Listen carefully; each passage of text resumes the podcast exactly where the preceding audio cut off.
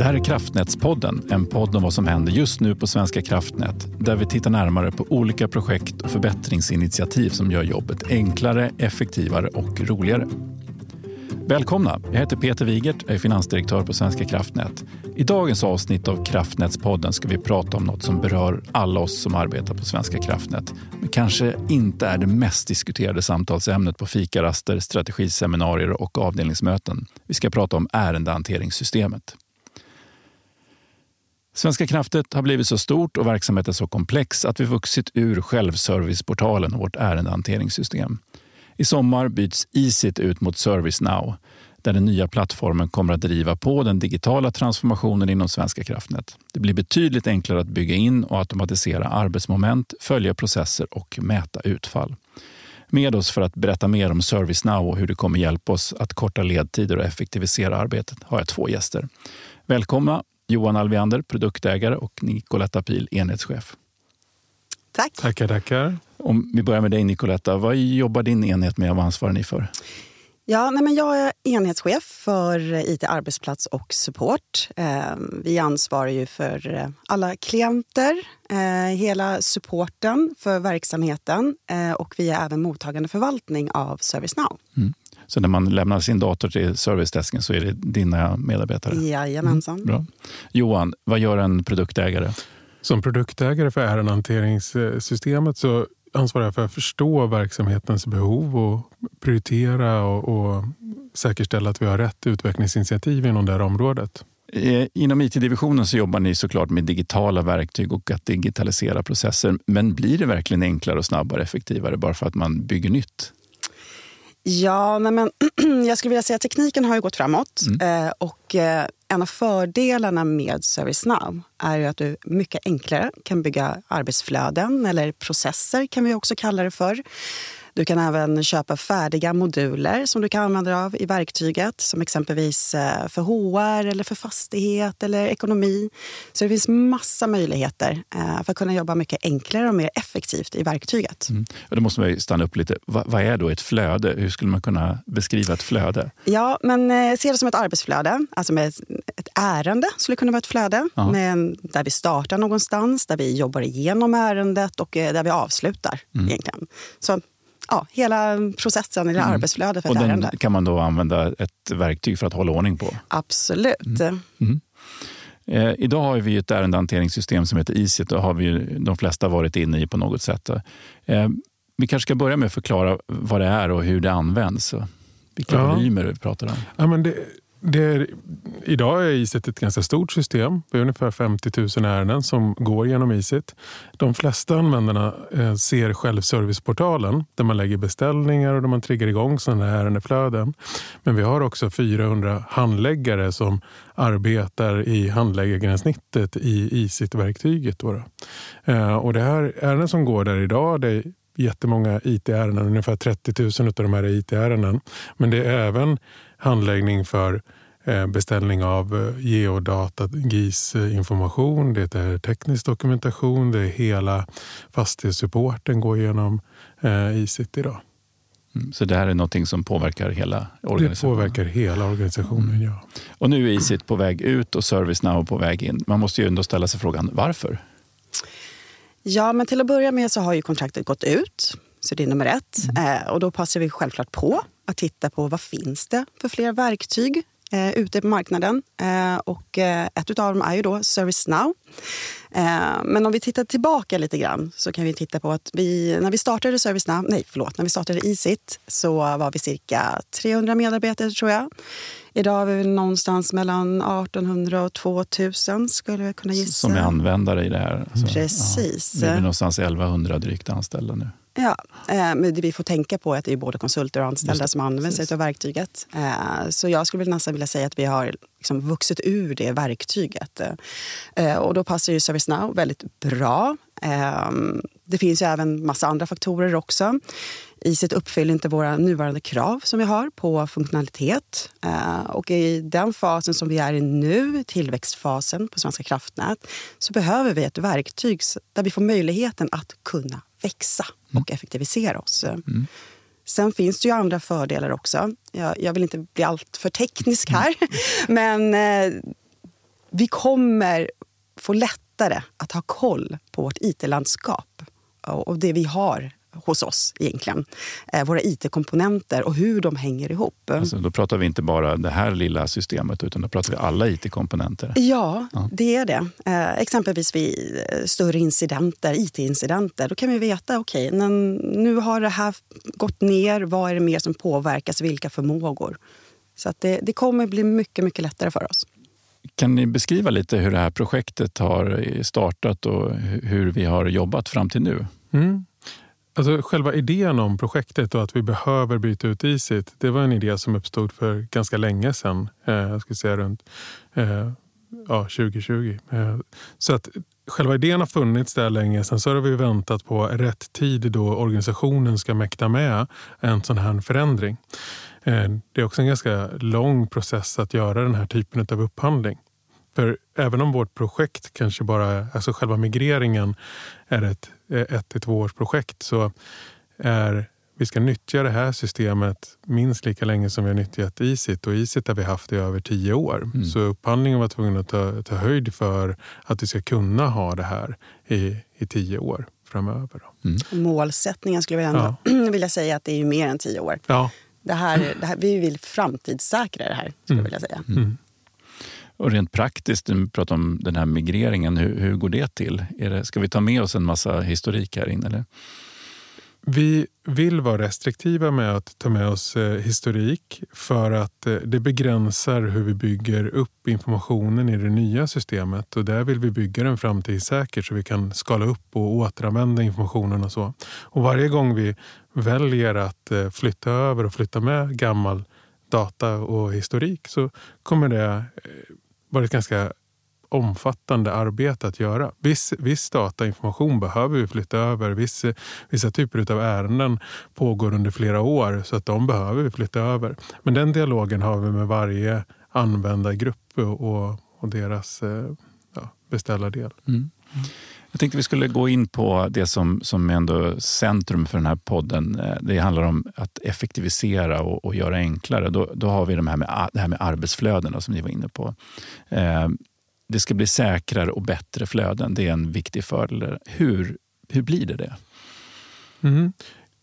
En av grundpelarna i den här plattformen är att man kan och ska återanvända information som man skapar i en process, ett arbetsflöde. Den ska återanvändas där det bör. Det ska inte vara silos eller isolerade öar. Så det gör att informationen som finns där, den, den valideras varje gång den används. Så om vi säger att vi ska avropa en ny konsult, då har vi en SUA-process för det. Eh, och den processen där uppstår både IT-avtal och eh, det uppstår en konsult. Den kan vi återanvända sen när vi kör vår onboarding-process när den här konsulten välkomnas in och, och får sina accesser. Det är även så att vi kan ta, vi har precis fått en ny anvisning för behörighetshantering till exempel. Då kan vi ta den eh, anvisningen för hur beslut för behörigheter ska tas och den kan vi programmera in i, det här, i den här plattformen. Och så kan vi säkerställa att godkännanden blir precis så och det finns inga andra sätt egentligen att, att godkänna behörigheter på. Okej, så att man mm. som användare eller, mm. eller beställare i det här har väldigt mycket stöd och mm. samtidigt ramar för vad man får, får göra? Ja, det kommer jag tror till skillnad från kanske när vi har byggt flöden i ISIT så kommer vi ställa högre krav på, på kraven. Mm. Vi kommer eh, vilja ha en eh, processledare, processägare för de flöden som, som vill komma in och vi kommer behöva säkerställa den informationen som kommer in att den är korrekt och att den kommer kunna återanvändas av andra som vill bygga flöden på det här. Mm. Och det här blir jättekraftfullt. Vi har flera applikationer som är eh, kring anläggningsprojekten och eh, på nätdivisionen till exempel. Vi ser redan nu de synergierna mellan projektstöd och geodataenheten och så, deras ärendeflöden som inte förut var ihopkopplade. Mm. Eh, vilken typ av ärenden och processer är det som ServiceNow stödjer och vilken typ av arbete påverkas mest? Ja, alltså påverkas mest gör väl egentligen, alltså vi har flest IT-användare. Ja. Så, så mm. kan man ju helt enkelt säga. Eh, vad vi har sagt att ServiceNow ska användas till det är ju ej verksamhetskritiska flöden. Det vill mm. säga sådana saker, sådana flöden som troligtvis andra myndigheter och andra organisationer har. Eh, repetitiva eh, flöden där det, där det viktigaste är att det ska gå, gå fort och enkelt att mm. egentligen bygga upp det här flödet. Eh, men det är inte våra kärnprocesser. Vi ska inte vi ska inte balansera vi systemet. Vi ska inte balansera. Nej. det ska vi inte göra. Nej. Men vi kan ju säga att eh, alltså, självklart ska vi inte balansera, men möjligheterna är ju oändliga. Mm. Är det. Eh, med tanke på att eh, verktyget är ju väldigt stort och eh, kraftfullt. Och det finns många, många färdigbyggda som sagt, moduler mm. att ta sig till. Nu har vi världens chans här att, att vara lite konkreta ute i organisationen på var man skulle kunna använda det här verktyget för att skapa enkla och säkra flöden. Ska vi, ska vi göra en liten shortlist här med vilka ni skulle vilja ta in i det här? Mm. Alltså jag, vi har ju faktiskt redan träffat exempelvis HR. Har vi träffat, eh, så det är en väldigt bra kandidat. Eh, vi även, eh, och vad skulle de kunna göra? Ja, men hela onboardingprocessen ja. skulle vi kunna ha i ServiceNow. Mm. Till och med preboarding skulle vi kanske kunna använda oss av. Det finns den möjligheten ja, också. Ja. Vi har ja, men fastighet har vi ju pratat mm. lite grann om. Det finns en helt egen färdigbyggd modul för den mm. att kunna använda sig. Vi har SecOps vilket mm. är Security Operations, alltså våra IT-säkerhetsincidenter. Mm. Eh, säkerhet är väl också en kandidat, mm. tänker jag. Yes. Eh, ja, och jag vet ju att vi på finansavdelningen vill gärna titta på det här för, för eh, det som heter ekonomisupport. Ja, mm. absolut. Så jag tror att alla som har en sån funktionsbrevlåda. De kan egentligen vända sig till oss och så kan vi hjälpa till och skapa bättre flöden där än att vi hanterar i mejlen. Ja. För en funktionsbrevlåda det är ju bara en, en, postlåda där man får ett brev som man sen ska mm. svara på. Ja, mm. exakt. Yes. Svårt att följa den hela mm. vägen. Mm. Eh, en viktig funktion i ett sånt här system har jag förstått, det är ju att kunna få ut bra statistik och kunna mäta. Varför är det viktigt? Varför är mätning viktigt? Ja, men det, det, när, vi, när vi ställer de här kraven på att vi ska ha processledare, vi ska förstå flödena. Det kommer ju på att vi, de här flödena ska kunna förbättras. Vi, vi vill sätta upp dem för att effektivare kunna arbeta. Vi kommer att se att ibland sätts flödena upp ineffektivt och det måste vi mäta och följa upp för att, för att förstå vad det är. Det finns flaskhalsar, vart vi kan göra saker bättre, vart vi borde ha annan information eh, för att kunna ta rätt beslut där vi är i de flödena. Mm. Eh, vi önskar ju att det finns en ägare av den här applikationen som bryr sig om en, en enhetschef som kanske har hand om teknisk dokumentation eller eh, GIS-beställningar eller på fastighet som eh, tittar på alla de här ärendena och kan ta faktabaserade beslut på vart man vill effektivisera och göra annorlunda i, i sitt sätt att hantera de här ärendena. Mm. Och här skulle då statistiken kunna visa att här har vi flöden som tar lång tid eller där saker blir liggande. Eller Mm. Alltid för att möta en kortare, mm. en kortare process helt enkelt. Mm. Då, då, bidrar vi till det här med det som vi pratar ofta om, kortare ledtider. Mm. Att kunna bli snabbare. Ja. Och det här är någonting som vi absolut jobbar med redan idag. Nu vi har till exempel haft ett jättestort initiativ kring att förbättra och synliggöra hur lång tid det tar i, vår SUA-process. Och det gör vi genom att titta på respektive fas och ta ut statistik på det. Um, det har varit ganska omständigt att göra och i ServiceNow skulle en sån sak vara mycket enklare att göra och ta mm. kortare tid också. Mm. Ja, men, mm. Bara ett litet tillägg tänker jag. att eh, Med verktyget så får du otroligt bra eh, dashboards heter det, med vyer mm, mm. eh, för uppföljning eh, för alla medarbetare egentligen skulle jag vilja säga. Eh, så som det sett ut idag har det varit ganska komplext att få ut sådana rapporter från ISIT. Man vill ju bara trycka på en knapp. Nej, men exakt, det är ju det man vill. Eller bara ha en färdig vy där du, ja, med allt du vill ha. Mm. Så det, det, kommer också vara en ganska stor förändring. Mm. Bra, jag ser fram emot att liksom kunna följa ärenden och hur vi snabbar på. Ja. ja. Svenska kraftnät är en systemviktig myndighet och vi hanterar säkerhetsklassad information. Hur kommer vi drifta det här systemet? Vi kommer att drifta det i våra egna datahallar. Mm. Eh, ServiceNow är ju eh, ett molnbaserad applikation. är det ju. Mm. Eh, men vi har valt att köra det on-prem, det vill säga i våra egna mm. datahallar. Så det innebär att vi kommer ha viss säkerhetsklassad information i systemet? Ja. Mm. Men det hanterar vi som vanligt? Precis. Har ni börjat provköra eller pilota det här? Ja, ja. det har vi. Och det går jättebra. Vi, vi har Vi har testat, eh, eh, vi har acceptanstestat inför en pilot eh, och vi är egentligen redo att trycka på knappen att, eh, att köra piloten här nu i, i juni är det planerat. Då får vi se om det blir så. Mm, ja, det hoppas vi. Det finns en del hinder. Vilka, vilka, vilka är det som börjar i eh, piloten? Ja, men det är eh, geodataenheten eh, som har sina GIS-beställningar där. Eh, och sen så är det ett eh, projektstöd som är anläggningsprojektstöden. Um, mm. Mm, de applikationerna. Och det som, som vi medarbetare ofta möt, oftast möter det är ju när vi anmäler något IT-fel eller mm. beställning. Mm. När mm. kommer den? För det, de här 30 000 ärendena då, per år, när kommer den eh, övergången? Eh, ja, men, eh, till att börja med, eh, våra ITSM-processer, det vill säga våra IT-processer, ja. eh, de kommer ju komma på plats under vintern, december. Mm. Är det. Eh, mm. Men sen så behöver vi såklart ha en bra support och förvaltningsorganisation. Mm. Eh, och det håller jag på att bygga upp just nu. initialt har vi sagt att några projektmedlemmar från leverantören kommer stanna kvar hos oss och förstärka förvaltningen tills alla våra anställningar är egentligen klara och alla är på plats. Mm. Så att under 2023 så kommer vi... Ja, under 2023-2024 skulle jag säga. Mm. Mm. Mm. Hur jobbig kommer den här resan vara för oss som är användare och hur kommer det påverka de som jobbar i systemet? Mm.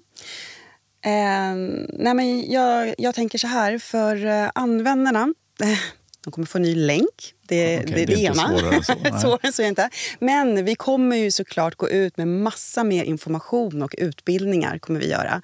Och som jag från början sa, det är ju en ett till ett förflyttning. Mm. Så att det du kan beställa idag kommer du kunna beställa imorgon. Eh, bara att utseendet kanske ser lite mm. annorlunda ut.